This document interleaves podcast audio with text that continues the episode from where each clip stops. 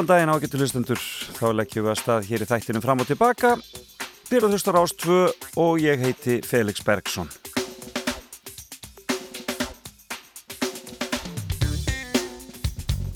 Klíti á okkur í höfuborginni þennan morgunin og e, verður í dag en svo fer hann nú ísta kóluna aftur, svona er þetta þessa dagana, það gengur á mig ímsu.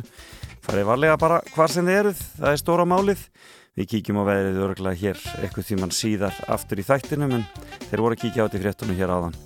Um, en ég var mikið þátt framöndan, aðasteyt Leifsson, ríkisáttasemjari verður aðal gestur minn hér og ætlar að koma og í fimmuna hér eftir smá stund og uh, það verður skemmtilegt að heyra hvað hann ætlar að bjóða okkur upp á. Hún að fara víða uh, en er komin heim og hefur tekið við þessu uh, mikilvæga starfi og já, það verður aðtilsvægt að heyra hvað, hvað aðasteytin hefur að segja okkur hér og eftir. Og svo ætlum ég að ringja eftir nýju í hana Marju Leu Ævarsdóttur sem er einn af fórsvarsmönnum Reykjavík Feminist Film Festival sem er haldið þessa dagana.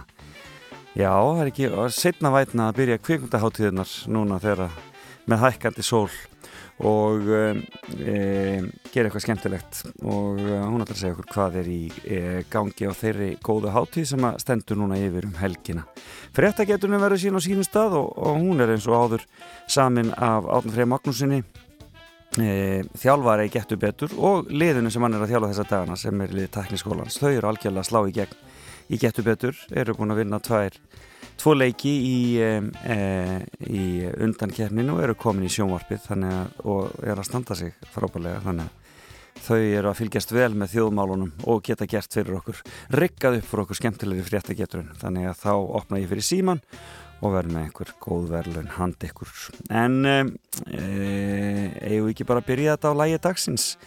Eða svona fyrsta lægi þáttarins að við leipum aðastinni hér að. En ég ætla að spila lög og söngakefni nú næstu e, rifiplög sem hafa ekki heyrst mikið úr söngakefninni e, þar kemur mikið af músík sem oft þeim hverfur bara strax eftir söngakefnina gaman að rifja það allt saman upp e, og ég ætla að byrja á Herubjörg sem er í miklu uppáldi eins og þið sem fylgist með þessum þátti vitið enda frábær söngkorna en þar að koma nýjir þættir heimildarmynd eftir Ingulind Karlsdóttur þar sem, að, sem heitir Þungskref þar sem að e, fylst er með Heru Björk eftir hún fyrir svo kallega magaermis aðgerð, svona ofittu aðgerð hún tók lífsitt e, förstum tökum og e, það verður gaman að sjá þá þætti. Hera ótrúlega skemmtilegu karakter hefur frá mörg að segja.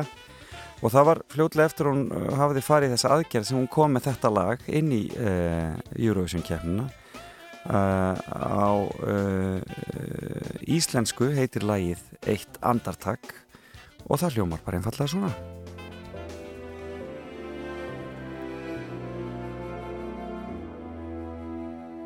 Hvað heldur í mig? Hvaða ótti læðist inn? Finn hvernig efinn flæðir inn í huga minn. Ég veit þú mér ég veit það er ég sef. Ég veit að það er ég sem þarf að taka næsta skref. Innra með mér stöðugt og gafst mér sjaldan frið. Þú varst alltaf mér hjá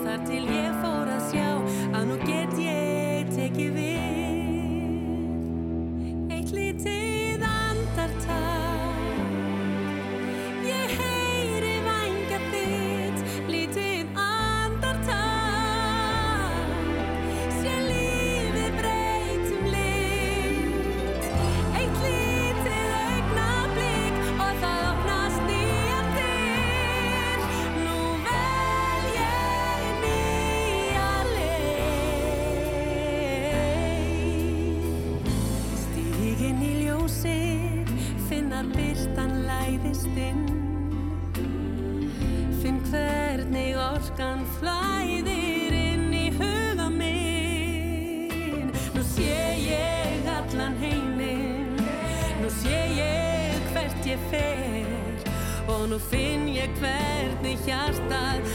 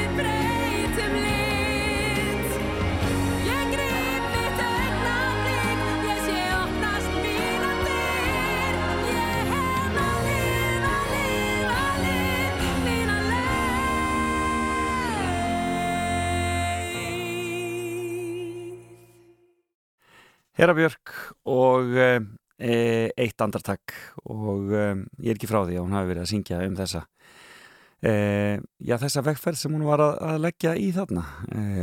Engin spurning frábær sönguna já, við byrjum næstu lögadagsmótna á lægi úr söngakefni rýfum upp eitthvað sem að heyrist ekkert sérstaklega ofta en hér er Ed Sheeran Við skulum heyra Afterglow og svo förum við að rappa við aðarstein Leifsson, ríkisátt að sem ég er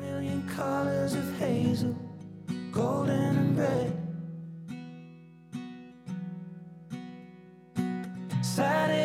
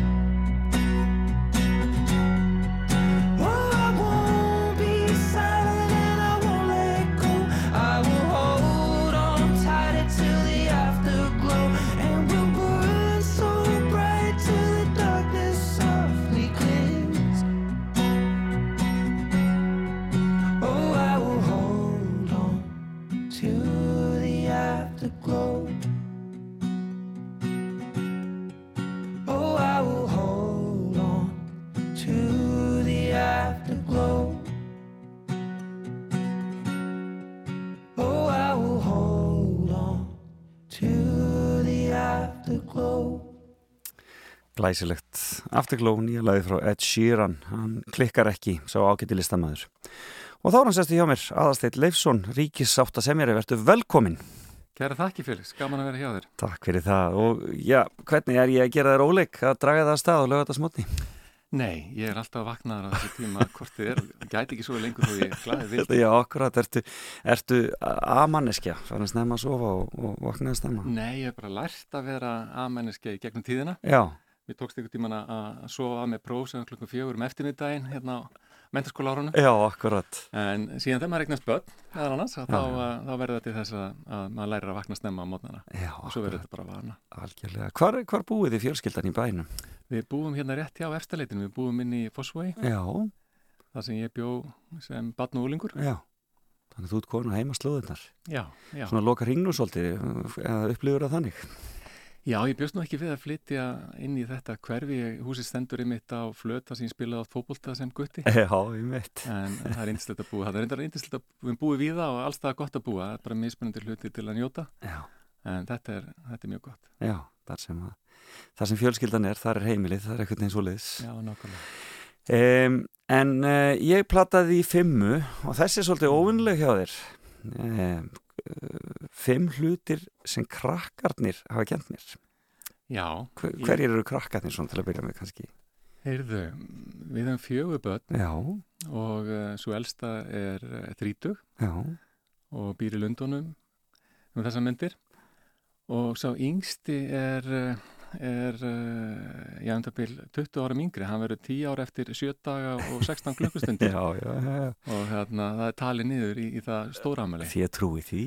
Og svo eigum við eina, eina stelpu sem er 20 og annan strák sem er 17 ára. Já, þannig að það er þetta er á, á, á miklu og stóru aldurspili Heyrðu, það er líf og fjör. Já, algjörlega. En þau hafa kentir í millið en konaðinn Ágústa, Já, hvað gerir hún?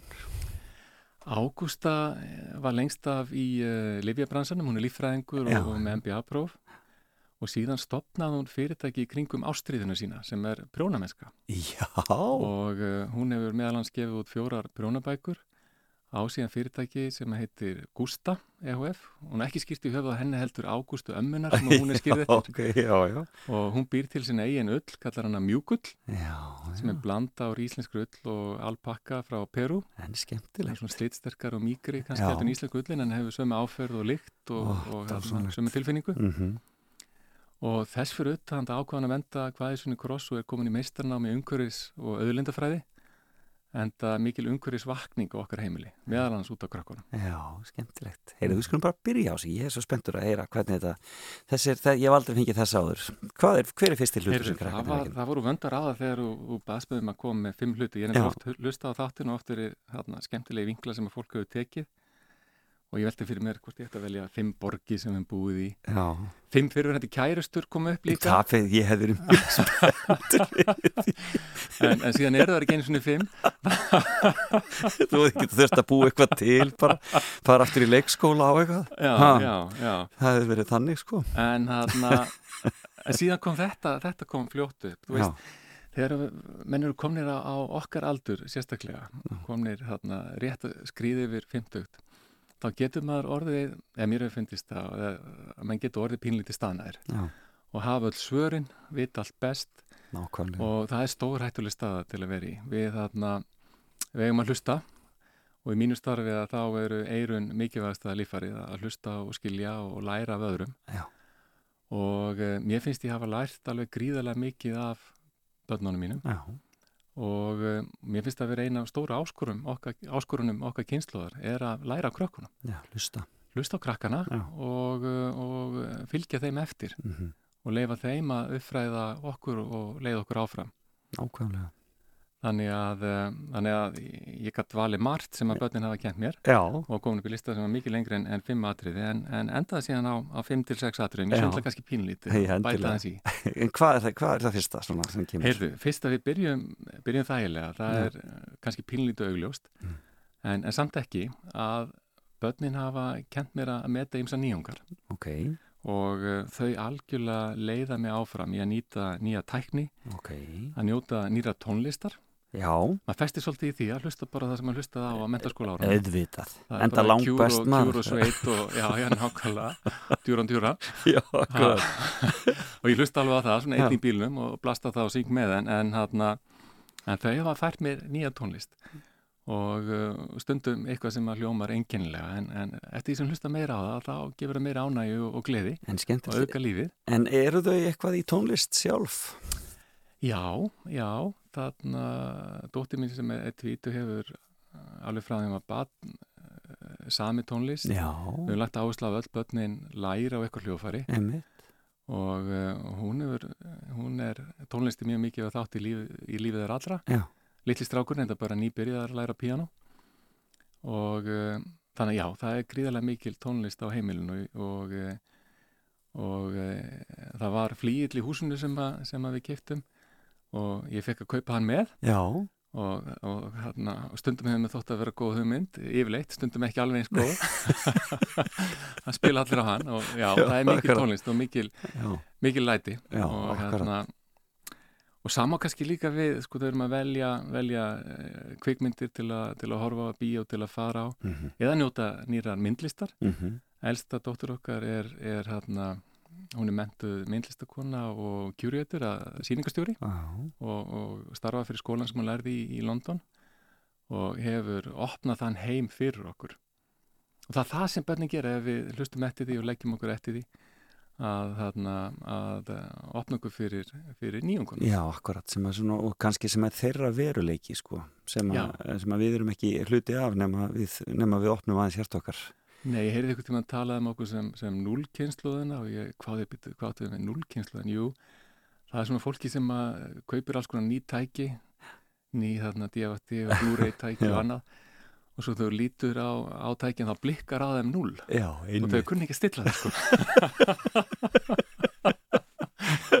og hérna, og það er ekki gott að vera þar. Nei, það er ekki, að- það er ekki góð kynslu að vera. Nei, nákvæmlega. Þannig að tæki sem ég nýti daglega í, í vinnunni og svona hef ég, hef ég frá krökkunum. Já. og ekki bara frá stelpan okkar sem er, er tvítug, hún hérna hún er á öðru ári tölvunafræði Já. í háskólum í Reykjavík. Já, já, og hún náttúrulega hefur hjálpað mér heilmikið en ekki síður henni krakkarnir sem eru mikið í, í tækninni og hérna og benda manni og hafa þólumæði til að kenna manni nýjungar. Í þínu starfi sem uh, sáttasemjari, þá, þá hlýtur nýja tæknin að fara að skipta miklu máli núna á þessum tímum. Já, það eru gríðarlega breytingar í samfélaginu og í ávinnumarkaðinu Já. og uh, það er það sem margir eru að ræðum og undirbúa sig undir. Það er fjóruða innbyltingin og það er þá þýðingu sem það hefur fyrir okkar daglega líf Einmitt. og fyrir vinnumarkaðin og uh, breytir atvinnahættir og, og það er alls konar áskorun sem að fylgja því en líka gríðarlega tækifæri. En hjá embætt eins og þér, eru það að fylgjast með svona hlutum, eru þið reyna að undibúa þá jafnvel það sem koma skal? Okkar hlutverk er meðal annars að fylgjast með því sem er að gerast á vinnumarkaðinum Mm og vera í góðu sambandi við verklisreifinguna og, og þá sem er að skoða og rannsaka íslenska minnumarkað og sjálfsögðu launangreðendu líka Já, og uh, vegna þess að, að, uh, að það hjálpar okkur til þess að, að skilja betur hagsmunni og, og, og stöðu aðalega begja megin bors og uh, eins og ég sagði áðan okkar, okkar stærsta og mikilvægsta líffari eru eirun að hlusta og skilja það er Já. þannig sem við getum best uh, hjálpað Nákvæmlega. Aðtilsvert. Að meta nýjungar, það er mjög góð fyrsta, það er mjög góð fyrsta leksja. Hver er svo næsta? Heyrðu, svo næsta er, við getum kallað það gildi óþektar. Já. Þarna, ég er nú ekki að segja að börnum mín séu sérstaklega óþekk, eh, ekki allavega, Nei. maður getur fara út í það kannski í smáatriðu, en, þarna, en það er mikilvægi þess að setja spurningamerki við hugmyndir og, og aðferðir og, og þrýsta svolítið á ramman. Já, einmitt. Og það hugsa út í það, þessi börn sem að við dáum stað í, í bókmyndunum, Lína Lánsokkur og Emily Kattolti og kannski Harry Potter líka. Já, Þetta eru dálitur óþekktar ormar já. og, eh, og, og börnin hafa fært mér ímsar áskorunir í gegnum tíðina en, eh, en mér varst upplýsandi þegar ég las um það að, sem að þróunafræðingar höfðu að segja Já. að sögðu sko, að börn eiga að vera óþekk þau eiga að vera óþekkt ef að börn væri ekki óþekk og, og uh, fylgdu alltaf fyrirmælum og gerði nákvæmlega eins og fyrir að þau væri lagt og, og væri hlýðin í einu öllu það væri Já, akkurat. manginni myndi ekki þróast áfram. Við myndum ekki komast áfram á næsta stig og, og, hérna, og breyta hlutum og, og, og það væri ekki framþróun ef ekki væri fyrir óþekkt. Nei, og um, þannig að óþekkt er kannski eins og átök uh, einn af svona raunveruleiki lífsins það er eitthvað sem að, sem að er nöysilegu þáttur af lífinu Já. en það skiptir náttúrulega máli hvernig þú höndlar óþektina og vinnur úr henni og eins skiptir máli hvernig þú höndlar tekur á átökunum og, og vinnur úr þeim Já. En aftur er þetta kannski svolítið spurningum hlustun og spurningum í rauninni að, að skilja hvaðan það kemur sko. og það verður að gera það meðvitað vegna þess að, að unga fólki hefur alltaf verið í framvarðasveit breytinga og, um, og þrýstan það ramma sem er fyrir hendi. Það er ekki, ekki nýtt. Og horfir á, á mannreitindabáratuna sem var í kringu þann tíma sem, að, sem að við fættumst að þá var ungt fólk þar í framvarðasveitinni og um, við verðum að hlusta þau vegna þess að þau hjálpa okkur til þess að skilja áskorunni samtímans og, og lausnir. Þau, eru í farabróti núna í samantöku lostasbreytingarnar sko, að reyna að vekja okkur. Og þau og, og Richard Attenborough, nei David Attenborough segi. Já, já, já. þau hérna einmitt, það eru hérna. Og uh, við þekkjum það öll og Gretur Thunberg og Skúli Strækfor uh, Miljöet og allt það. og það er gríðarlega mikilvægt og við erum að styðja við það og hjálpa þeim og, og fylgja þeim eftir þau eru líka í framværa sveit hvað var það mannréttindamál og, uh, og uh, svo mörg málefni sem, að, sem eru gríðarlega mikilvægt og um, geta það er náttúrulega Mér finnst það vissan hátt að þegar við horfum á, á stærstu áskorunna sem að blasa við okkur, manginu núna, að þá hafi okkar kynnslóð á vissan hátt sagt pass. Já. Að það eru gríðarlega stórar áskorunir framöndan sem að bötun okkar og næstu kynnslóðu þurfa að taka stáfið. Já. Og við verðum að hlusta á þau og þau, þá þætti sem þau setja öndvi. Akkurat. Og þarna hafa bötnum mín stað þessi gríðarlega vel í uppfæða pappa sinn. Já og hérna og, og ég lært mikið af þeim Já, einhver svona, einhver, eitthvað óþektar dæmi sem þú Já, til dæmis að sko maður telur sér verið allavega í mín tilviki, þá taldi ég mig vera gríðarlega umburðarlindan og, og, og við sínan, það ekki? Jú, jú. Og hérna og, og síðan síðan eh, byggum við síðustu 6 árinni í Genf og börnum voru í alltöluðum skóla mm -hmm. og í mjög alltöluðu umhverfi egnast vini frá, það voru 26 þjóðurni í, í bekni hjá strafnum mínum til dæmis ja, ja. og fólk var mismöndi bakgrunn uppruna og mismöndi hugmyndur um, um lífið og tilvöruna og trúabröð og, og svo framvegis. Og eh, og eh, ég áttaði mig á því að, að það sem ég taldi vera fordómaleysi var kannski að við svona hatt umbyrjalindi að, að hafa umbyrjalindi fyrir því að fólk væri uh, alls konar og, og hefði mismöndi hugmyndir um, um, um lífið og, og, og tilvöruna og mismöndi bakgrunn. En hér þeim gekk það enda á lengra. Þau gerðu hugmyndir og rétt fólks til þess að lifa lífin á mismöndi hátt ykkur neginn meira að sínu. Já, einmitt. Og það var með þess að rista dýbra og, eh, og, eh, og taka, taka hlutin einu skrifi lengra. Og byggt þá á þessari vinnóttu eða...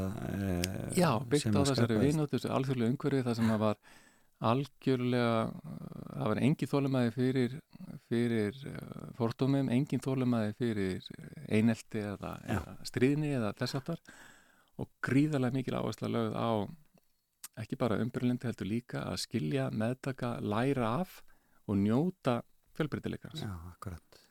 Og, og svo svo ég tæki annað dæmi að þá að minnist að skólaverkefni sem strákurum ég var með þegar hann var 12 ára, hann spyr mér hérna pappi, hvað eru, hvað eru til til uh, hvað eru til marga kynniðir hann. Er að gera skólaverkefni og taka viðtal við pappa sín og ég segi, já, byttu já, hann er svona gagginheið og svo eru homar og lesbíður og, og tvíkinheið og eitthvað svona og fjórar, það er fjórar. Og hann bara, pabbi, er það að segja fjórar? Hva, nei, býðu hann að uh, býðu uh, er, er það sex?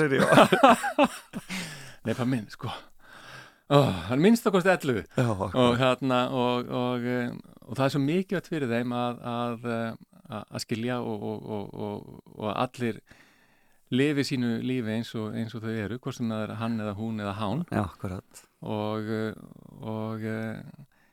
og, það er aðeiklust að hlusta og læra af þeirra hugsanaferli og þeirra hugmyndu Já, og láta þau svo til segja Það gerir mig gríðilega mikið, skemmtilegt Gildi óþægtar, aðeins smá uppreist frá já. svona við og við, miskusti hm.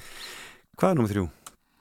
Heyrðum, númið þrjú að það er, það er að, og þá kannski vel við núna í, í veganúar, að það er að, það er vegan mataræði Já! og, uh, og um, að það sé ekki aðeins hægt að lifa á veganfæði og grangjirafæði heldur hafa það býstna gott líka Já, akkurat. og það atvökkast þannig að, að stelpan okkar sem að núna er tvítu að fyrir rúmið þremur árum að þá segir hún okkur við kvölduraborðið að þarna, hún hefur sér bara ákveð að gerast vegan Já. og mér leist ekkert á það mér fannst það alveg ræðileg hugmynd og tala ekki um fyrir þarna unga konur sem er að, er að, að þroskast Já. og, og, og, Það er bara að fá sinn mat og... og Já, nákvæmlega, og þarf ekki að fá prótein Já. Ég maður við þetta Já. samræður heima hjá mér. og hérna, þú að fá prótein þú, þú borðar nú að minnst að kosti fisk Já. og hún segir mér, heyrðu, pabbi þarna, þarna veistu hvað, að uh, rótagræmiti er með minnst prótein af, af, af grængjirafæðinu en einhvað síður er hlutfell próteins í, í rótagræmitinu það mikið að jafnvel þó ég myndi bara lifa okkur rótagræmitinu, það myndi alveg fá nóg prótein þannig að þetta er ekki það vandamál sem þú heldur að það sé. Og pappi náttúrulega fer og, og, og googlar það og fer að lesa til og, og klóra sér höfðun og já, þetta er nú, kannski rétt í þar en, en sko, ok en hvað með þarna næringar efni og, og vítamin og steinefni og, og, og þess að þar og kalk? Þú ætti að fá kalk og voru að drekka Mjólk, og, ost og, og hún segir, heyrðu, pabbi nei, það er ekki þannig, ég get fengið öll næringarefni sem ég þarf úr grængirafæðinu og, og meira sé að þá er, er betra að fá, og allavega ekki síður að fá kalk úr, úr sesamfræjum og öðru slíku heldur en úr, úr mjólkinni. Og var hún þá búin að kanna þetta allt saman og var alveg undirbúin fyrir Það þess voru alveg undirbúin, ég held að hún hafi vita á hverju hún ætti von. Og hérna hún myndi, mæta að stálinn þyrft að svara fyrir þetta Nákvæmlega. saman. og einhvern veginn hérna rækja mig á, á, á það að, að, að hvert fórta minna á fætur öðrum og ég, og ég fór líka svolítið á, á djúpmið og fór og, og las greinar og, og svona úrdrætt úr vísitagreinu jafnvel til þess að, að, að, að kynna mér þetta nána, mér finnst það mjög áhugavert og það kemur ljósa að þarna, þó að séu gætna þannig í rannsóknum að mataræði að, að það er fara svolítið út og suður og, og, og enginn kannski einn heilagur sannleikur annað en sá að maður er að borða sem minnst unnin mat og, og að, að, að og fjölbreytta mat að, að jú, það er alveg hægt að fá kalk úr, úr Já. fræjum og öðru og jafnvel margir sem haldaði fram að það sé besta uppspretta kalks í, í, í, sem hægt er að fá Og og svo talaði hann umhverfisvingilin líka Já, akkurat. að þarna verðna þess að gríðalegur uh, hluti af kolvetnisbori mannkins og er út af ímiskonar landbúnaði og uh, tala nú ekki um landbúnaði sem að, það sem að, að regnskóðum er eitt sem að dreifur náttúrulega úr, úr lífræðanlegum fjölbreytileika og til þess að búa til fóður fyrir, fyrir nautgripi og, og, og, sínarækt og, þess að þar einmitt.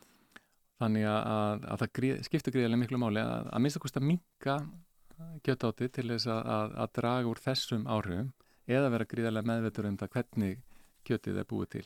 Og fóru þið fjórskildan með inn í þetta þá? Við ákvæðum það að að Það sem ég hafði líka ágjur af væri það að, að ef að hún væri ein Já. í þessu fæði Já. og við allt öðru fæði það sem myndi gerast þá væri að, að fæði hennar er alltaf einhæft og Já. bara lifa á franskum kartöflum og, og hvítu brauði. Akkurat. Náttúrulega ekki ætlinni það en, en þetta var svona áhyggjur, áhyggjur hins aldraða föðus og, eh, og þannig við rættum þetta fjölskyldan og komumst að því að við ætlum bara að prófa að gera þetta saman að elda allavega vegan á heimilinu. Já, og litli drengur var reyndar undanskilin og hérna og eh, enda glottan og sagði pappi I love the taste of blood. Og eh, en hann reyndar hann reyndar svo hefur bara þróast hann og hann finnst veganmaturum mikið betri. Já. en, eh, en uh, við vildum ekki, við vildum bara leifa honum að borða allt það sem hann Já, vildi enda, enda bara lítið, lítið drengur þessu tíma. Og við þarna við ákveðum að fara, fara með henni í þetta. Já, og það er búið að vera gríðarlega skemmtilegt fjölskyldu ævintýri. Já. og uh, vegna þess að ekki bara það að við borðum allt annað mat heldur en við borðum áður og ekki bara það að við erum alltaf aðrar uppskriftir og þurftum að endun í gríðalur matar áhugi á heimilinu og við áttum mikið safna uppskriftabókum flesta sem eru búin að gefa núna. Þess að við eh, svona sáum við þurftum að endunýja okkar okkar uppskriftir, Endur nýja flottan heldur þurftum við líka að breyta um aðferðir. Já, það er alltaf aðrar aðferðir við að, við að elda. Og eh, annars konar tækjutól sem þú notar og, og, og leiðið sem að þú ferð. Já. og þetta er búið að vera svo skemmtilegt. Já. Þetta er búið að vera svo, svo gaman og eru þið farin allar leið í þetta þá bara? um, Eru þið algjörði veganistar? Já, að heimilinu að þá, þá, hérna, þá eldum við bara vegamat Já. en uh, en uh, ég ákvaða að, að vera græmitisæta Já. finnst ostur gríðarlega góður og það láði ég gemdi ost á hörðahúnunum í Já. þannig ég vildi ekki alveg gefa það frá mér uh, og fyrstu þrjú árin þá borðaði ég enga fisk en eftir ég flutti til Íslands Já. og það sem að, að þarna, við höfum þennan heilnama fisk sem er, valin, sem er veitur á ábyggan hátt Já. að það ákveði ég að, að bæta honum við þannig að ég borða stundu fisk í, í hátíðinu í vinnunni en á heimilinu þá eldum við bara vegamat En og, og dásamlegt. Ágústa kona mín og og eh, og tvö barnana eru algjörlega vegamat alltaf og eh, og, eh, og elsta dóttur okkar er, er græmitisæta En skemmtilegt, þetta Mm. er dásanlegt og en þið, þið hefur þá byrjað á þessu semst þeir voruð út í genf eða hvað? Já, byrjuðum á þessu þar. Og það er kannski auðveldara, er það auðveldara þar heldur en hérna heima? Nei, nei, alls ekki, það var rauninni, rauninni erfiðara heldur en hérna heima. Já, og við rákum okkur á það að, um, að veitingastæðinir höfðu lítið frambóð af græmitisréttu Já. Og því fitni sem veitingastæðinum var því minna var frambóði já, þannig að við breytum aðeins um gýr þar líka. En í minni vinnu þar sem ég var mjög oft á, á fundum og á hótelum og veitingastöðum og, og ferðalögum að það var oft mjög, mjög takmarka frambóð og þú þurfti bara aðlega því og taka því með brosa vör. Já.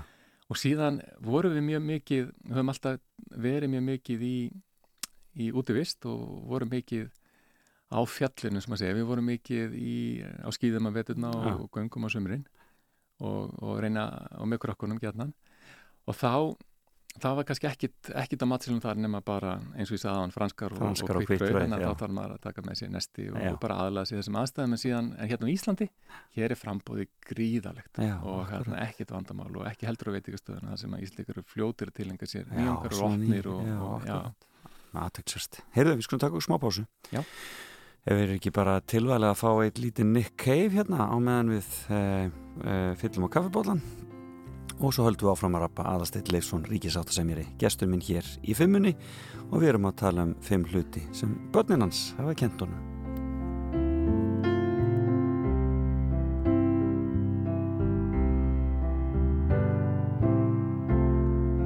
I don't believe in an interventionist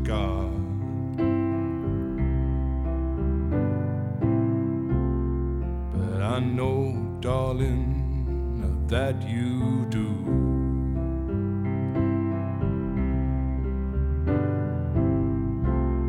But if I did, I would kneel down and ask him.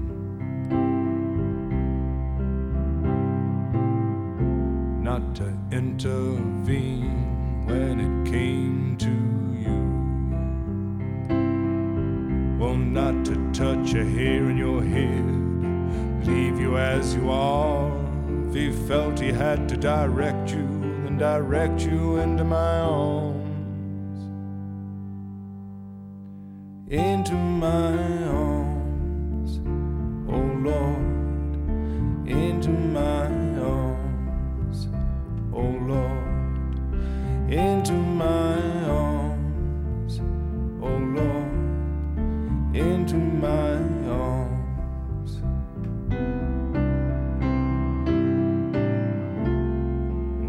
don't believe in the existence of angels.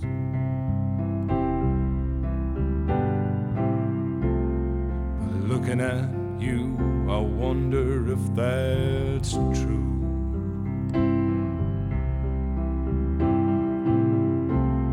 But if I did, I would summon them together.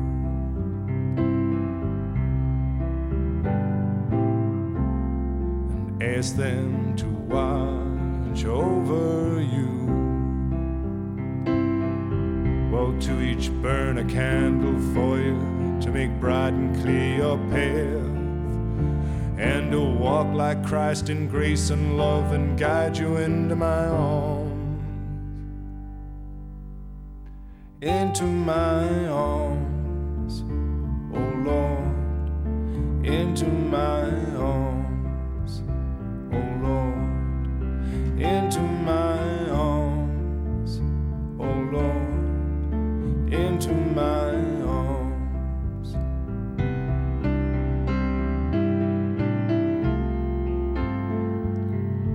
But I believe in love.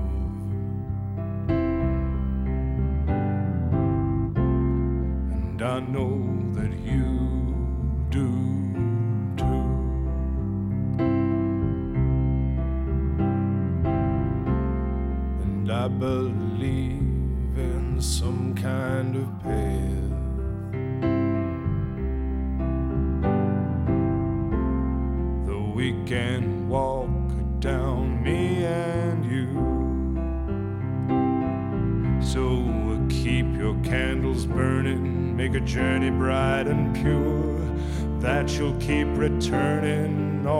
always and evermore.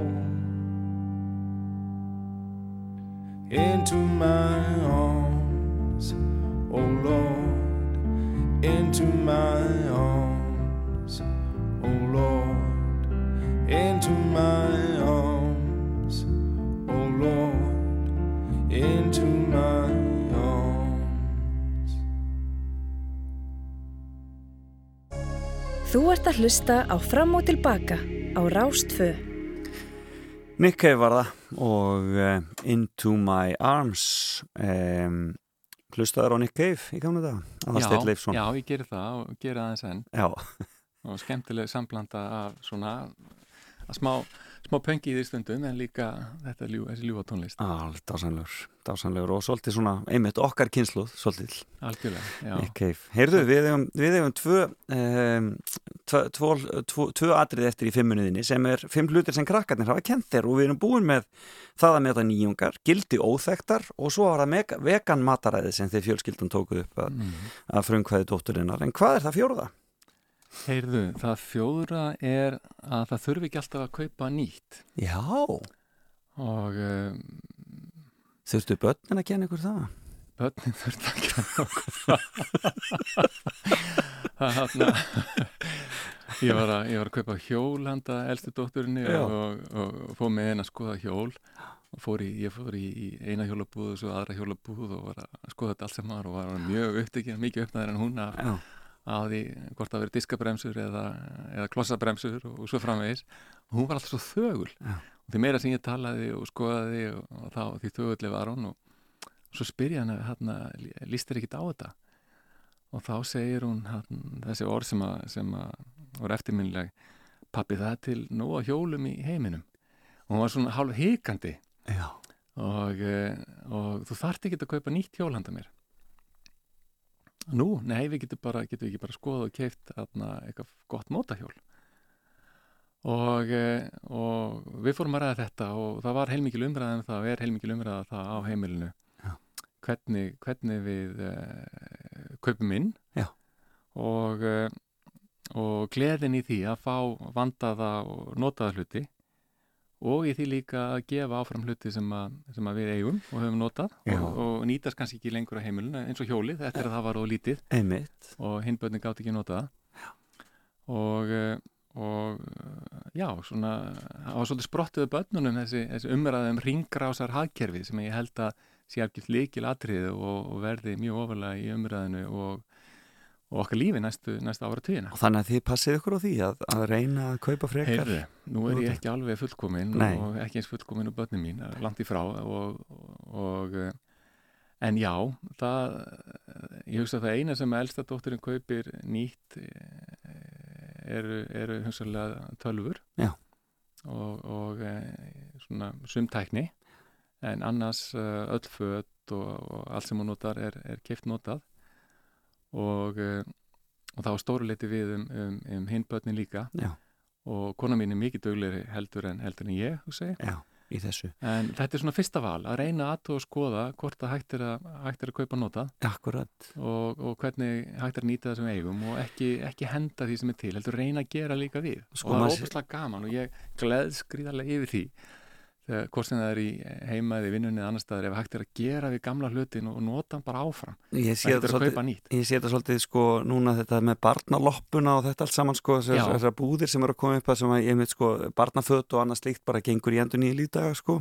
Þetta er algjörlega briljant. Þetta er rauninni briljant sko. Ég held að, að barnabarni mitt hafi fengið jólakjól sko sem að kostaði þrjúðuskall sko í einmitt í einhverjum svoleiðis, í einhverjum svoleiðis búð og dásanlega fallur hafi verið notaði tvisvar skilur. Nákvæmlega, önnu dótti minn keipti alveg heilan, sko, sko, allt sem hún þurfti, kjól og, og, og skó og, og, hérna, og peysu og, eða blússu Já. fyrir hérna 2500 krónir Ja, akkurat. og hérna fyrir einn jóli. Já. Og eh, já, það er eitt af því sem að, sem að gerist við þessa hugsun Já. Er að þú spara fullt af peningum og þú spara fullt af peningum fyrir aðra líka. Einmitt. En ef við horfum á það í víðara sæfingi að þá benda vísindin okkur á það að með þeirri neyslu sem við höfum núna Mm og þeirri nýtingu sem við höfum á ráöfnum að þá ganga, gangar hluti til þurðar Já, að, um, að við erum að nýta mikið meira, nota mikið meira eigða mikið meira og henda miklu meira heldur en að er sjálfbært Akkurat. Og það kemur að skuldatu við getum ekki haldið svona áfram. Og það er ekki nóg að, eh, að setja hlutin í endurvinnslu. Það dugar ekki til. Við verðum að endur nýta og nota minna nýtt. Akkurat. og búa til þessa ringrása sem notur sömur hlutina áfram og aftur og aftur. Og, eh, og kaupa minna. Og fekk hún hjól á sínum tíma? hún fekk hjól, já já og hérna Og, og, það var bara eh, gert við það og, og, og bara í fínu standi og Já, svona gert við það í fínu standi og, og, og svo notu uh, hinn börnin það og svo við Já. það kannski aðeins öðruvísi hjóla, það var líka hægt að kaupa það notað og svo var einhver stólið eins og gengur og, nýjasta hjóli sem hann keipti að heimili keipti ég fyrir sjálfa mig Já. það er engin, engin almennlegur hérna miðaldra kall, öðruvísi hann sé í spandex með Já. smá bumbu á, á, hérna, á, á racer hjólinu og ég er þar ekkit undaskilin og hérna, ég gæti fengið fengið mikið betra hjól á, á, á, á, fyrir sama verð með því að, að kaupa notað og, Já, og, sniðugt. það, og það er bara gleði í því það er svolítið gaman Hvað er fymta? Við erum komin með þetta eiginlega alveg til enda. Hvað er fymta? Heyrðu, fymta er dálítið, kannski segja óbein Já. þetta er kannski ekki eitthvað sem að þau hafa kent mér heldur það sem ég lært af því að Að eiga þau. Þau og, maður þarf kannski ekki heldur eiga börn til þess að læra þetta það er bara uh, maður læra þetta börnum sískina sinna og í fjölskyldinu og, og börnum sem mann tekið vændum og að, uh, að og það er að, horfa lengra fram í tíman að Já. horfa ekki til næstu helgar eða næstu mánaðamóti eða næsta ára eða áratugar heldur hafa þau opna augum mín fyrir því, kannski hluti til í samræðum en líka bara svo staðrind að þau eru til og að ég verð ekki til að eilifu Mhm. kannski þetta líka hlut til bara þáttur í því að eldast. Já.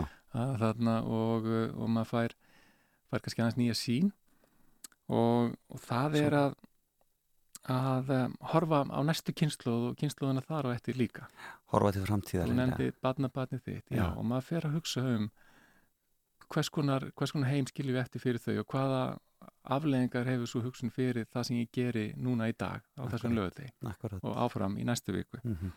og allar kynsluðir hafa staðið frammi fyrir stórkustluðum áskorunum og hvort sem við horfum á það heimsvísu eða, eða, eða hérna á Íslandi og stundum hafa áskorunna verið utanakomandi eins og núna með, með COVID-19 Já, já, akkurat. ímis konar plágur sem hafa herjað á okkur og eldgós og, og þess aftar og stundum hafa áskonuna verið mannana verk eins og til að mynda heimstyrjaldir og, og efnahagsframfarir sem að, e, efnahagshamfarir skildi ég sagt Já, já, akkurat.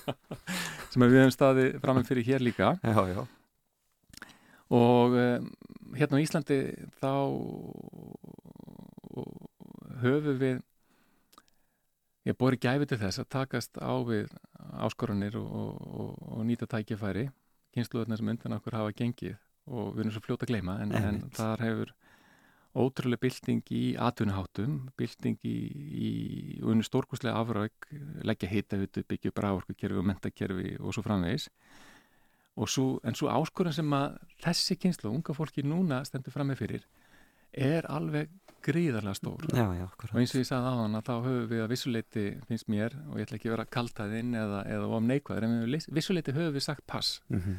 og við þurfum að, að taka okkur á og ekki senda þessa áskorun að öllu leiti yfir á næstu kynslu. Nei, akkurat, í rauninni að vera til stuðnings og vera og einmitt að, að sína í verki Já, en þessi áskorun er í raunin að standa vörðum um lífi sjálf. Akkurat.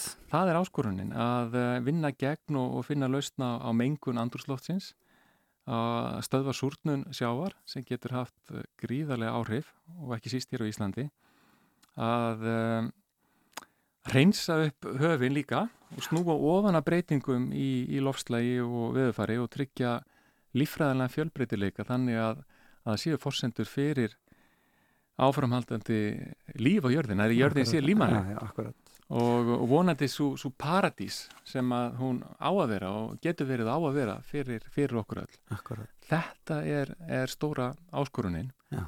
og, og, og þarna þurfum við virkilega að taka okkur á. Og krakkarnir og unga fólki eru leiðandi í umræðin um þessa áskorun. Og held að þau hafi meiri skilning á því heldur en við, allavega fannst mér það mínu heimili á því hversu áriðandi þessi áskorun er. Mm -hmm. og uh, mér fannst það aðdeglisvert núna fyrir skömmu þú mannst það kannski þegar við horfum á það í sjónvarpinu þegar Notre Dame kirkjan stóði ljósum rosalegt, alveg hrikalegt og þetta minnismerki sem við þekkjum öll. Ja. ef ekki ef við ekki heimsóttana sjálf þá sé það í bíómyndum og, og, og í sögunni. Mikið vakt minnismerki í Evrópu. Og uh, það sapnaðist mikið af peningum mm -hmm. frá frálsuframlöfum mm -hmm. Fyrstu tvo dagana eftir að, að kirkjan brann og tókst að slökku eldana sér betur fyrr þá sapnuðist jafn miklu peningar og búið er áætlað að kosta að reynsa upp allt plast í útöfunum Já. Akkur erum við ekki búin að reynsa upp þetta plast í útöfunum Akkurat, og sapna þeim pening Akkur finnum við ekki fyrir, já vegna þess að við höfum ímsa lausnir við höfum leiðir já. en okkur skortir meiri ákjæfð og að ganga fastar og, og hraðar fram í að takast á við þessar áskoranir.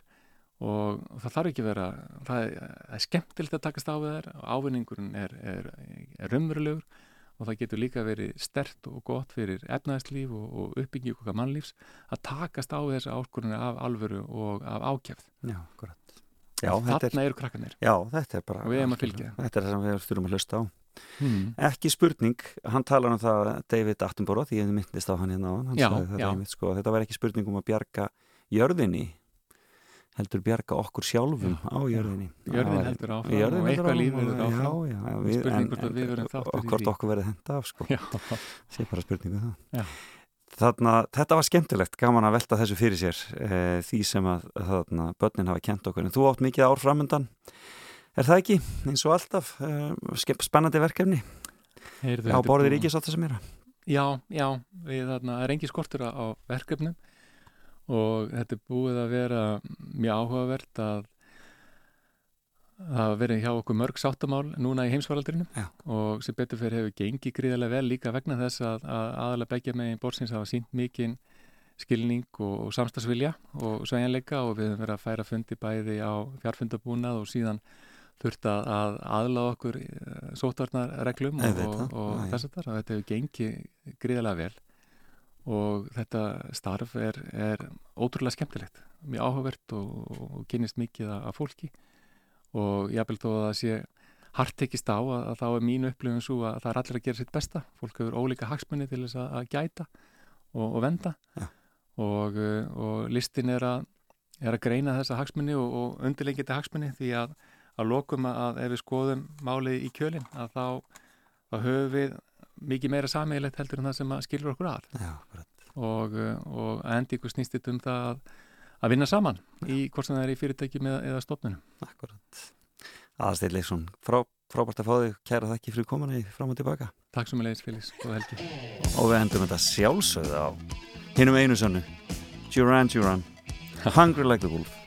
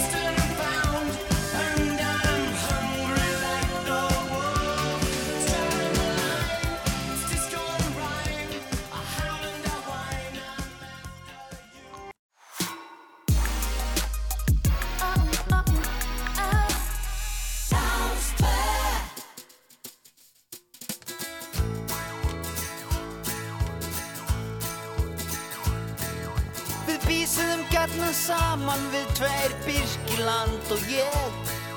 Í borgin og tróðum klappstígu og margan gæfurlausan veg.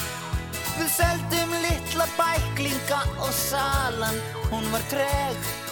En semrunni og atsmýrunni vorum hlý og yndisleg. Við gengum saman marga villi götu fram á nótt. Við gerðum skurk að nætur þeli þegar allt var orðið hljótt Við vorum hundeltýr og akkur gert margt ósegjanlega ljótt. Og að því búinu þá var lagreglan á okkur srótt Það er ekki mikið trúlegt nokkur öfundi þig. Samt ertu sá sem mestu flugi náði í. Því ægilegustu þrautir Þér riðu og slíf Það var ein eitt sem slíka styrjald háði Við vorum sviknir um stelpur sem við stóluðum lengi á. Við höfum staðið í skilum með imborganir, já og það er ekkert smá. Við vorum píndir í afvatnun inn við sundin blá. Við vorum útðaðan hálfu verri að skelltum okkur beint á krá Já það var mörg ástíðin í æfiðin sem fór Í auðnu leysis ráð á afveðum slíkum. En hvað sem verði lítið, já, hvað sem verði stór Ég klæðist samt aldrei alveg þínum flíkum. Þú varst undanlegur í háttum, það syndi enginn um hvein allir önnum kapnir við að græða á stríðinu öll sín megin. Þú varst sérlundaður furðu fugg og þú sast á stakli grein. Þó þú sæir aldrei móður þín að kissa jólasvein. Komið í sæl eftir þá höldum við áfram hér í fram og tilbaka og þetta var auðvitað við Birkiland Megas að syngja þarna og eh, hann sá mömmu sína aldrei kissa Jólasvein.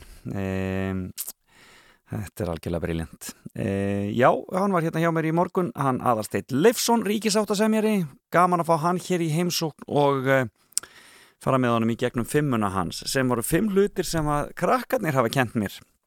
Og eh, þar kendi nú aldrei símsa grasa en uh, við hefum ekki getað spjallaði allan dag. Ég átti alveg eftir að fara í gegnum hvarð fjárskildan hefur komið við í gegnum tíðin og, annars líkt sem að var uh, sannarlega uh, langur listi. En, en þessi fimm hlutir sem krakkarnir hafa kent aðasteinu voru að meta nýjungar, gildi óþektar vegan mataræði það þurfi ekki alltaf að kaupa eitthvað nýtt og svo að horfa til næstu kynnslóða sem er sannlega mikilvægt, ekki spurning gaman að velta þessu fyrir sér e, já, við höfum að hlusta oftar á þá sem yngri eru eins og sagði í læginu sem að var spilað hér fyrst þegar að Rást 2 e, hóf göngu sína á sínu tíma og það fara nú bráðum að vera 40 ár síðan það var En við skulum fá aðeins meiri músík og svo ætlum við aðeins að fá að heyra þessu Reykjavík Feminist Filmfestival sem er í gangi núna um helgina. Að lifa ævarstóttur hér eftir smásnund. En þetta er Harry Styles.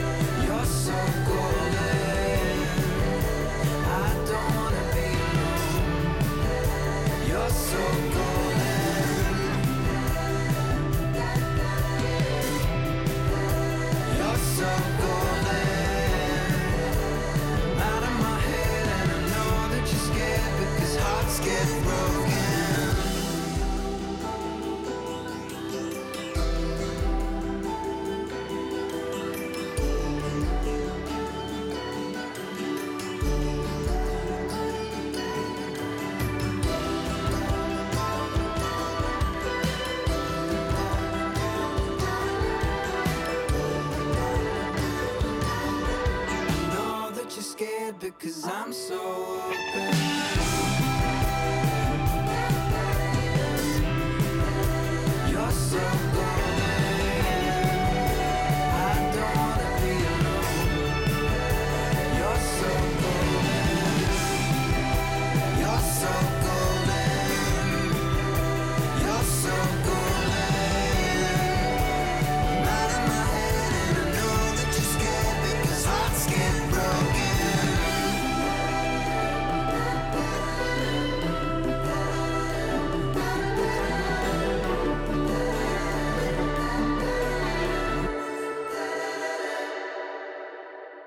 ert að hlusta á Fram og Tilbaka með Felix Bergsinni á Rástfö.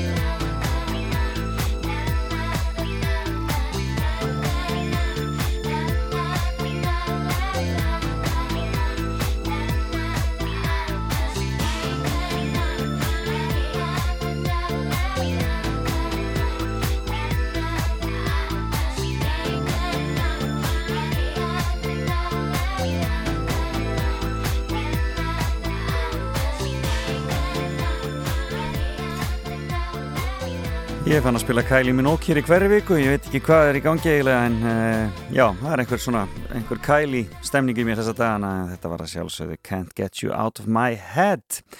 En það er kvikmyndaháttíð í gangi í Reykjavík uh, þessa helgina eða bara, í, án, bara hjá okkur öllum á Íslandi því að um, Reykjavík uh, Feminist Filmfestival er hættið þessa helgina og Ég var forvitunum að vita hvað þetta væri eiginlega og í símanum er einn aðstandenda, Lea Ævarsdóttir. Kondur sæl og blessuð. Sæl og blessuð. E, þetta er ekki fyrsta sinn sem þið haldið þessa háttíð, Reykjavík Feminist Filmfestival. Nei, það var fyrir árið síðan sem við heldum þetta í fyrsta skipti og það var þá í raunheimum, þannig að þetta er talsvægt öðruvísi ár. Já. Við erum alveg á netinu. Já, þeir eru alveg á netinu. Meira, næstum því alveg á netinu, já. Já, einmitt, þetta er þess, að þessu sinni af augljósum ástæðum. En það er svona eitthvað sem að fólk er farið að venja staðins Riff fór að miklu leitin á netið eh, og, og þetta hefur verið að gerast heil mikið. Já, og bara margar helstu kvikmyndaháttir bara heims Já, Búnar að setja, já, sínar á uh, interneti já. og á svona plattform og þannig að við bara fylgjum fast á eftir því Já.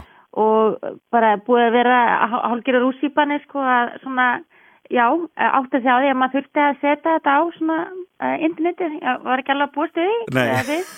og þannig að þetta var svolítið svona, já, annan, annan desember þegar við svona áttum okkur á því að þetta yrði ekki sko í bioparadís eða í Norræna húsinu Já. að þá bara fór allt á stað og, og hérna, en þetta er búið að vera ótrúlega mikið æventýri og áhugavert að læra inn á þetta líka. Skil það, skil það. En, það, en þetta er nú samt, sko, það er nú alltaf að opna aðeins, eða ekki?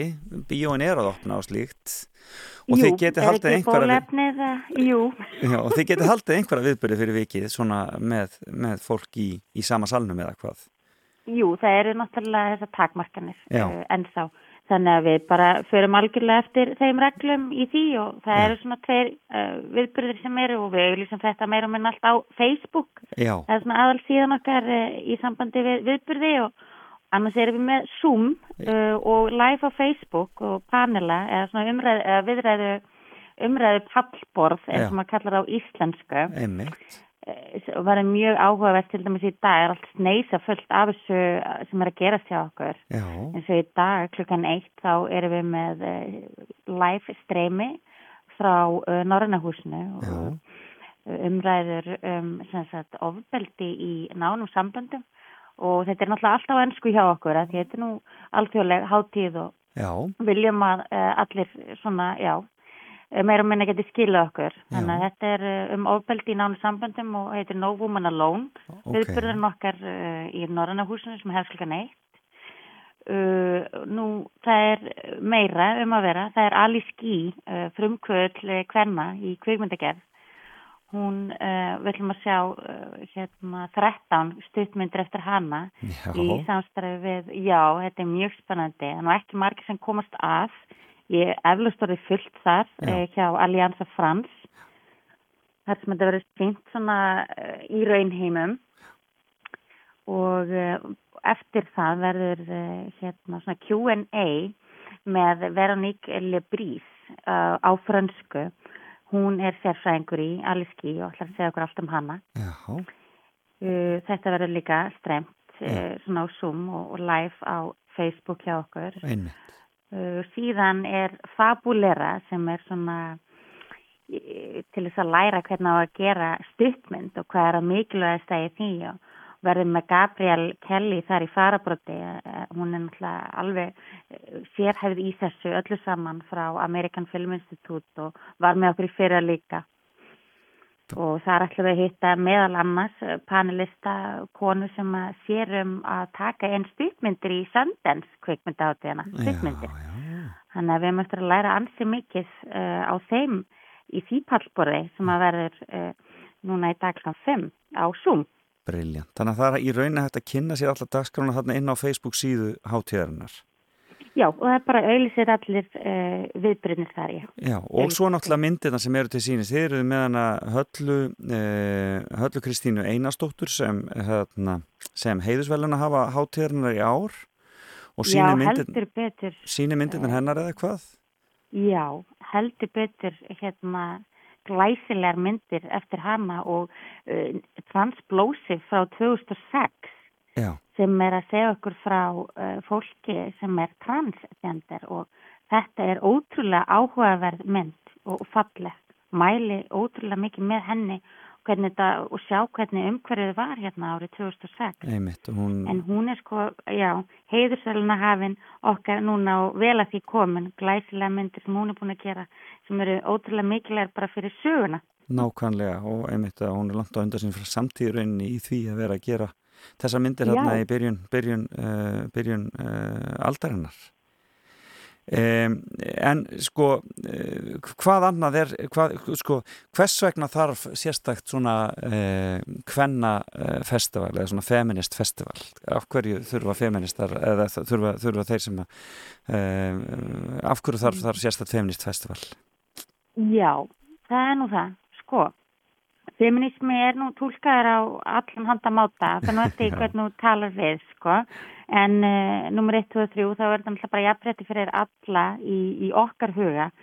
Og uh, líka þetta snýst bara um að þessi hreinlega raunveruleikin sem endurspeiklaður í sjónvarpi og, og kvikmyndum. Já, einmitt. En það, það náttúrulega bara er ekki, veist, svona í gegnum tíðina, þá er sjónvarpið og kvikmyndi búin að vera ansi karlægar og núna langar okkur bara svolítið að íta meira á að uh, sína hvernasögur og, og sína sögur og sem eru kannski búin að vera ósagðar í mörg mörg ár og hrista vel upp í þessu með því að, að sjá uh, já, öðruvísi sjónarhótt Já. en það sem er svona búið að vera að, að gerast í síðustu árs. Eru að verða breytingar í þessum öfnum? Eru konur að verða öflugri í kvikmyndagerð? Já, vissulega. Uh, Vissulega er þetta breytast hægt og rólega og maður finnur það og það, ég held að allir finni fyrir því og það er líka bara svo mikilvægt að geta samsama sig við karaktera í, í sjónvarpinu og, og í kvikmyndum og, og, og sérstaklega bara að þú veist eh, eins og allir vita að það gríðarlega, hefur gríðarlega áhrif á mann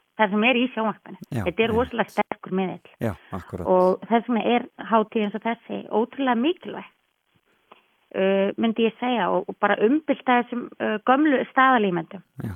sem að, uh, eru kannski offastar í þessi Já, og einmitt er kannski svona í ljósið þessarar umræði sem ég átti hér við gestminn í morgun að aðeins að opna hugan og einmitt að, að, að, að fara inn og, og kaupa sér aðgang á myndunum og sjá það sem er verið þeirra að bjóða upp á eitthvað sem maður myndi kannski ekki sjá dagstæðilega. Já, einmitt Já. það er náttúrulega í okkar tilfelli þá þarf það náttúrulega ekki að borga neitt að Þetta er allt saman ókipis? Já. Þetta er allt saman ókipis og er þetta? uh, það er bara ekki missa af þessu frábæri tækifæri að kíkja á svona ótrúlega fjölbreytt uh, uh, kvikmyndaefni. Svo erum við náttúrulega með örseríuna Norms, mjög skemmtilega með leikstýrðafinni Júlíu Margrét. Og ótrúlega margt í bóði og flottar heimildamindir og ég geti endalist talað um þetta. Sko. Þetta er Hvað er í boði? Þetta er alveg ótrúlega spennandi og ég hvet bara fólk til þess að fara inn á Facebook síðuna, tekka á þessu, það er ótrúlega mikið flottum myndum þarna í bóði hjá okkur. Þannig að ég segi bara Lea Efarsdóttir innilega til hamingju með Reykjavík Feminist Filmfestival gangi ykkur sem allra best og við hlökkum til eftir ár að, að, að hitt ykkur í raunheimum og koma og sitja með ykkur í bíó með popp í hönd. Heldur betur og Mm. ég segi bara til hamingju ok við okkur öll. Þetta fyrir okkur öll þessi hátíð. Frábært. Kæra þakki fyrir Ok, spjallið. takk. Já, bless, bless. Bless.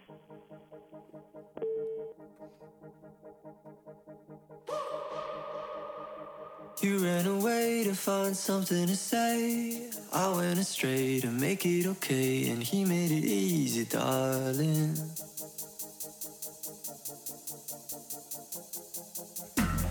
Still in love, and I say that because I know how it seems between you and me. It hasn't been easy, darling. I can't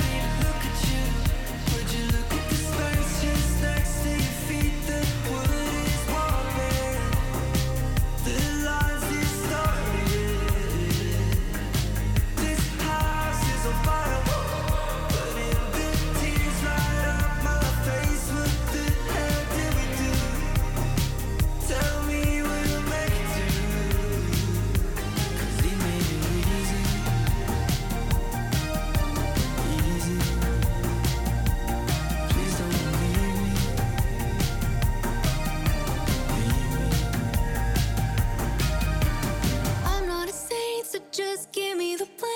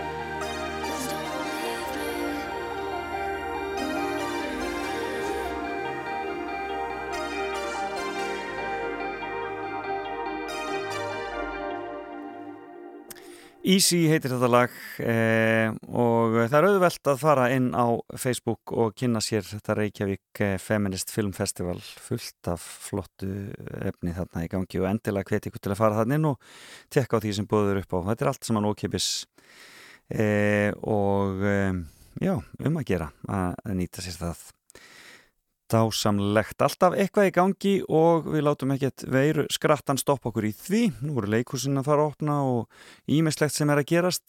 Frumsýning núna um helgina á eh, nýju verki í þjóðleikusinu og svo veit ég að mikið að barnaleikritum eru komið í gang aftur og þannig að nú erum að gera að nýta tækifærið þegar að e, þessi, þessi blessuð veira er í lægð og að fara og, og sjá eitthvað skemmtilegt og njóta tímans með fjölskyldunni. Eh, en við ætlum að fara hér í fréttagetrun eftir smástund þannig að nú getið þið farið að brína brína fréttahugan eh, getur betur náttúrulega á fullu þessa dagana og, og þá fer maður í svona spurningagýr. Eh, ég treysti því að þið gerir það líka. Velunin eru eh, gjafabrjöf í Hannesarholt. Þannig að nú erum að gera að eh, vera tilbúin. Við fáum auglýsingar og lag og svo förum við í fréttagetrun. Beint úr efstaleitinu í Reykjavík. Fram og tilbaka á Rástfö.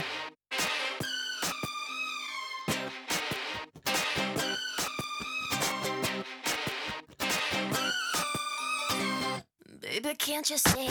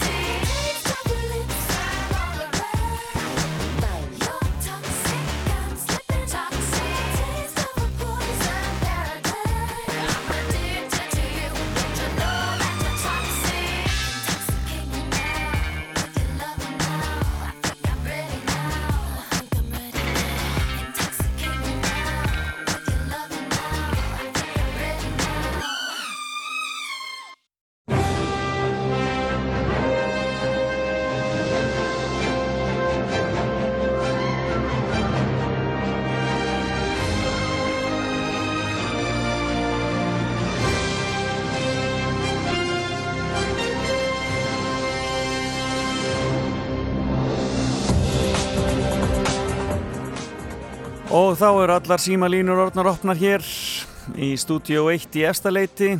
Símin 5687123, 5687123. Og nú er það fréttagetunin og verðlaunin eru heimsókn í Hannesarholt sem er dásanlegu staður á Grundarstíði Reykjavík. E, og e, þannig að e, það er til mikils að vinna og símalínur byrjaðar að e, loga hér þá er okkur ekkert að vannbúnaði e, og e, við skulum bara heyra í fyrsta hlustnanda Góðan daginn Góðan daginn, Sæll og bless, hvaðan ert þú að ringja? úr Reykjavík. Þú ert í Reykjavíkinni og fylgist vel með fréttonum? Já, svona eins og gengur að gerist bara. já, já Heyrðu, þá skulum við byrja hér Í vikunni tilkynnt einnar á þeirra að hann ætlar að bjóða sér fram fyrir Reykjavík Norður og hafa nú margir flokksmenn sótt eftir oddvitasætinu þar sem hann var áður. En hvaða ráþerra er þetta? Þetta er alveg mér. Já, það er svona. Ég var ekki að það frá mér. Þú eru ekki höfða frá þér, þú manst ekki hvað hann heitir. Nei, Heyrðu, kæra þakki fyrir að ringja. Takk. Bless, bless. bless. Já, nei, hvað heitir þessi ráþerra? Góðan daginn. Já, góðan daginn. Veist þú hvað hann heitir þessi ráþerra sem er að skipta um stað? Ásmundur Einar Taðarsson. Það er alveg hár rétt hjá þér. Það er Ásmundur Einar Dæðarsson. E, og kom örgum og óvart. Hvaðan ert þú að ringja? Ég ringi borginni. Þú ringir á höfuborginni, þannig að þú getur jafnvel kosið Ásmundur Einar. Já, við sjáum til með það. Sjá til með það. Heyrðu, þá spyrjum við hér. Í vikunni lést heimsfrægur töframaður. Hvað hét hann að fyrra nafni? Já, Mm, Já, ég maður ekki að það væri ekki svo þetta. nei. Já.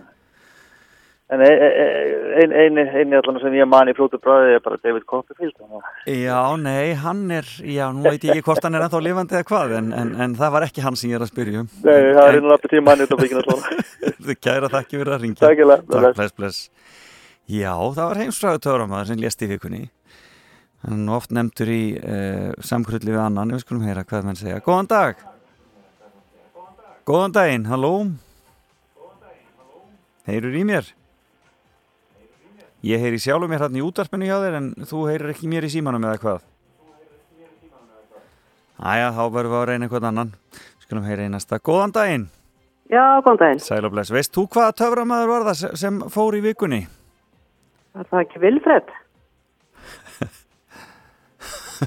Nei, ekki Vilfred en ég held að þú sést á mjög réttri leið.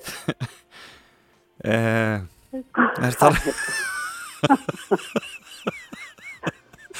Mér finnst Vilfred mjög skemmtilegt en þarna, ég eiginlega get ekki ímyndað mér að já, en, Já, ég reyna að hugsa... Nei, þú hérna- mannst þetta ekki Nei, Nei, þú við sleppum ekki. þessu. Heyrðu, en, en þetta var mjög gott hjá þér. Þetta var, þú Já. ert mjög heit. Ég skal bara alveg segja þér það. Já, takk takk fyrir fyrir. hugsa betur. Já, já, Takk. takk, bless. Ekki var það Vilfred. Góðan dag. Við skulum heyra þetta. Góðan dag. Jú, góðan dag. Góðan dag. Veist þú hvað hann hétt? Töframæður sem fór í Eh, vikunni. Það er ekki Sigfríd sem að var uh, alltaf með honum rauðin. Jú, það var Sigfríd, ekki Vilfred. Ég fór að segja, heyra fyrir, heyra fyrir mér að, að duettin hefði heitið Vilfred og Rói. Það Já. svolítið, já, það er svona, já.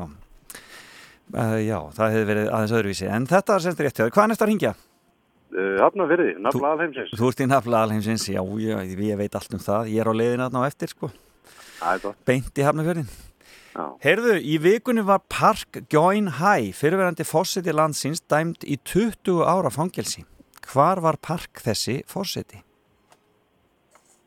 Herðu, ég misti þessu. Já, þetta er búið að vera Park, svolítið... park er svolítið Asia, eða ekki? Mm, Jú, jú, það hljómar daldið þannig. Ég ekki segja það bara, ég maður eftir einu fótballtamanni sem heit Park, ekki að skjóta suður skora. Það er bara hárið til þér.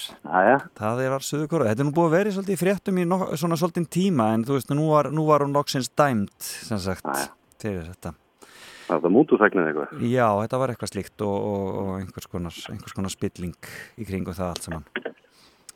Um, já, nú er spurning hvort að þú ert að fylgjast með um, Jóni Gnarr sem bað starfsfólk tælensks veitingahús afsökunar í vikunni í þætti hér á Rástförunar en hvaða veitingahús þurfti Jón Gnarr að byggja afsökunar? Krúa tæ. Það er hárrétt hjá þér Þú fylgist vel með þínum Gnarr Ha, gnarrinn. sko. Hann klikkar ekki, þú manstu hvers vegna þetta var Nei, nei, nei, nei. Þetta Ég man nú alltaf hvað ég fekk mér í morgun. Nei, það er svoleiðis En þetta snýrist sem sem það að hann var búin að panta mat Hjeltan á krúatæ eins og venjulega Já. og svo kom hann að sækja matinn og þá var matinn ekki tilbúin og hann var alveg brjálaður og tók alveg miðaldra randið á þetta og, þarna, og fekk allt ókipis og miklar afsökunarbeðinni frá eigandanum svo kom í ljós að hann hafði pantað á allt öðrum stað hann hafði pantað á einhverju tælansku öldusíkustar annar staðar í bænum þannig að hann þurfti að byggja alla hlutaðið til afsökunar á þessari framgöngu sínu. maður meiri fyrir vikið. Já, já, ég vona það. Heyrðu, en hvað heitir þú sem að kláraði þetta hjá okkur í dag? Hilmir. Hilmir? Já. Og hvers Og ber ættanarni Lundevík. Lundevík. Já. Eh, Hilmir Lundevík, þú átt hjá mér eh, eh, gjafabref í eh, Hannesarholt þannig að má ekki bara bjóða þær að koma við hjá okkur hér í efstaleitinu og sækja þetta. Ég bara gera mig ferð og þakka kjærlega fyrir. Svömmulegis kærlega, kæra þakki fyrir að ringja og gaman að heyri þér. Njóttu dagsins. takk, Þórhelgi. Já, bless, bless. Bless. Já, Hilmir Lundevik, þakka þér fyrir að ringja og þakka ykkur öllum sem að ringduð og tóku þátt í fréttagetrun. Við höldum áfram þessum skemmtilega leik með aðstóð krakkana í tekniskólanum og Átna Freys Magnússonar uh, næstu vikunar. Hún veit hvað vil uh, Dansar upp við mig. Uh, Hún hægir á heiminum Þegar hún reyfir sig. Láð mér að kynna mig. Ég er allt áindi Ekki þekkt þér lengi en ég sá þig dansandi. Það er eitthvað heitlandi við holninguna á þér. Kemur mér út jafn hvað ég ger en þá að ná mér wow. Sumar stelpur eru sætar bara á netinu. Aðra virk eins og þær gerir það að atunu Hata kynast fólki eins og þér á djamminu. Kottu baksins baby, nú erstu með bondinu. Kottu nær síndu lit. Þú veist hvað ég á við. Kottu nær síndu lit. Hún veit hvað ég vil. Dansar upp við mig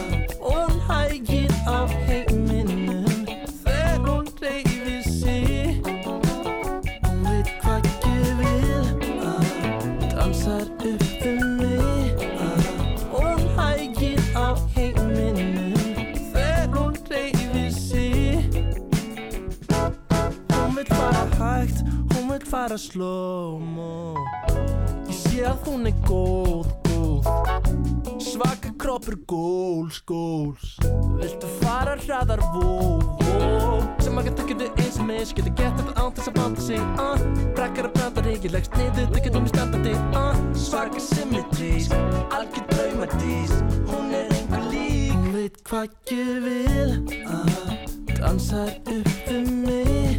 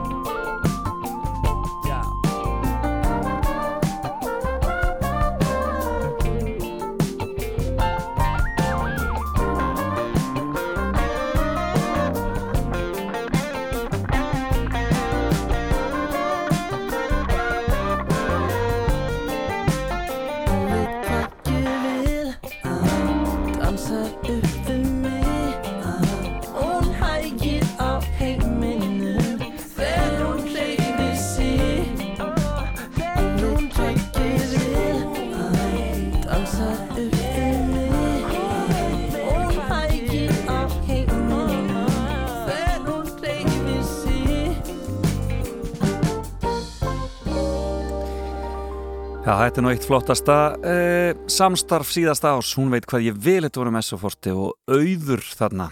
Uh, fellu saman eins og flýsviras, eins og flýsviras Það er svaka dagskrá í sjómarpinu núna um helgina og uh, ég tristi allir sér að fylgjast með HM Karla í handbolta í Egyptalandi. Þó að við höfum nú fengið hann daldið á lúðurinn hann í fyrsta leik þá er nú engin ástæð til annars en að en að sapna liði aftur og halda áfram og það er leikur í kvöld, Allsýr Ísland e, í kvöld klukka 19.20 e, í sjónvarpinu og háum stofan í kjálfærið og svo eftir það er það tónatalið hans matta og þar er e, Unnstein Manuel aðal gestur og það verður aðtilsvest að heyra um, Rettur Steffsson, Sólofur Unnsteins og svo allar Unnstein og Hermi Gervill að spila já, fullta músík þannig að það verður gaman að sjá tónatalið í kvöld og þið getið fengið meira efni úr tónatali hér hjá okkur eh, inn á rúf.is og eh, hlustaðu það hér á Rást 2 eh,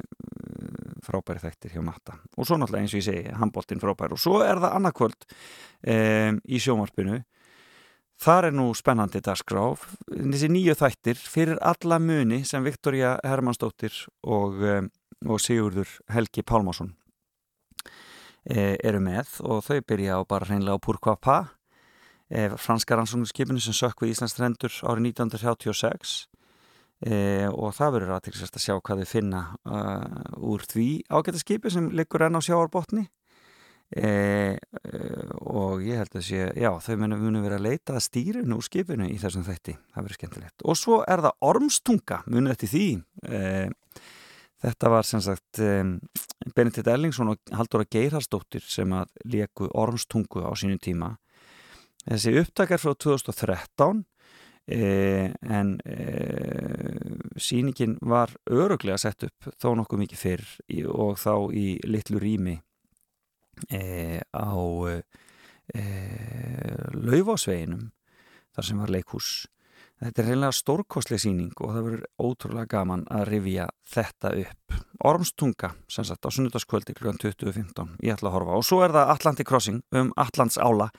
Þannig að segja hann að norsku konusfjörskindinni fullt í sjónvarpinu um helgina. Nó að sjá. En í kvöld er það Unnstitt Manuel.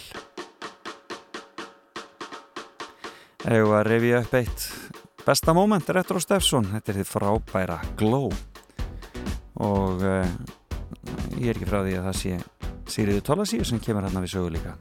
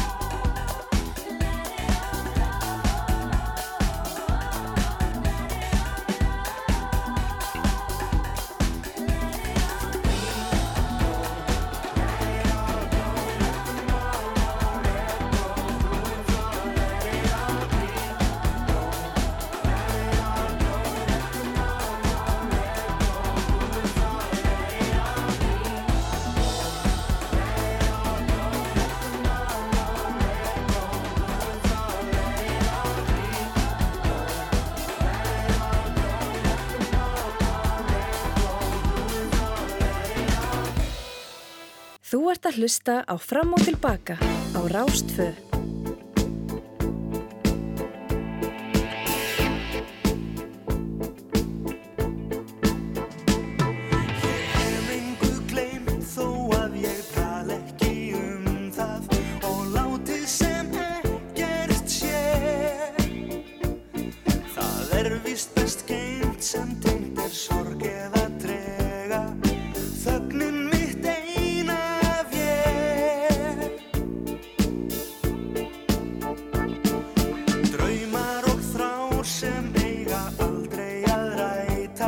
time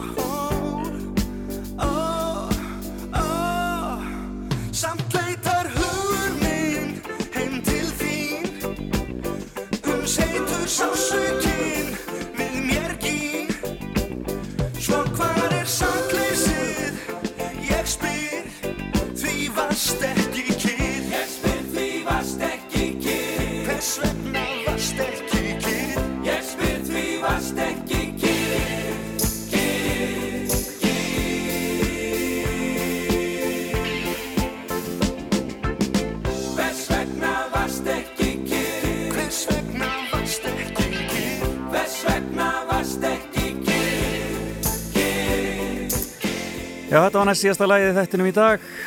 Takk ykkur fyrir samfélgina. Heyrumst aftur eftir viku. Takk að gestum mínum, aðalsteini Leifsinni og Leu Ævarsdóttur. Já, og hérna kemur Salkarsól eftir smá stund og haldið áfram að hlusta á rástu í allan dag. Njótið helgarinnar. Bless, bless.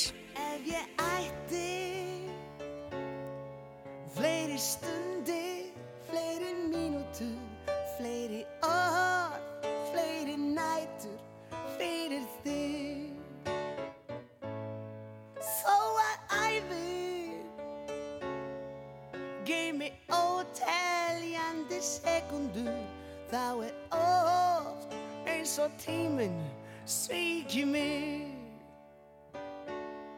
Samt er ekkert sem að breyta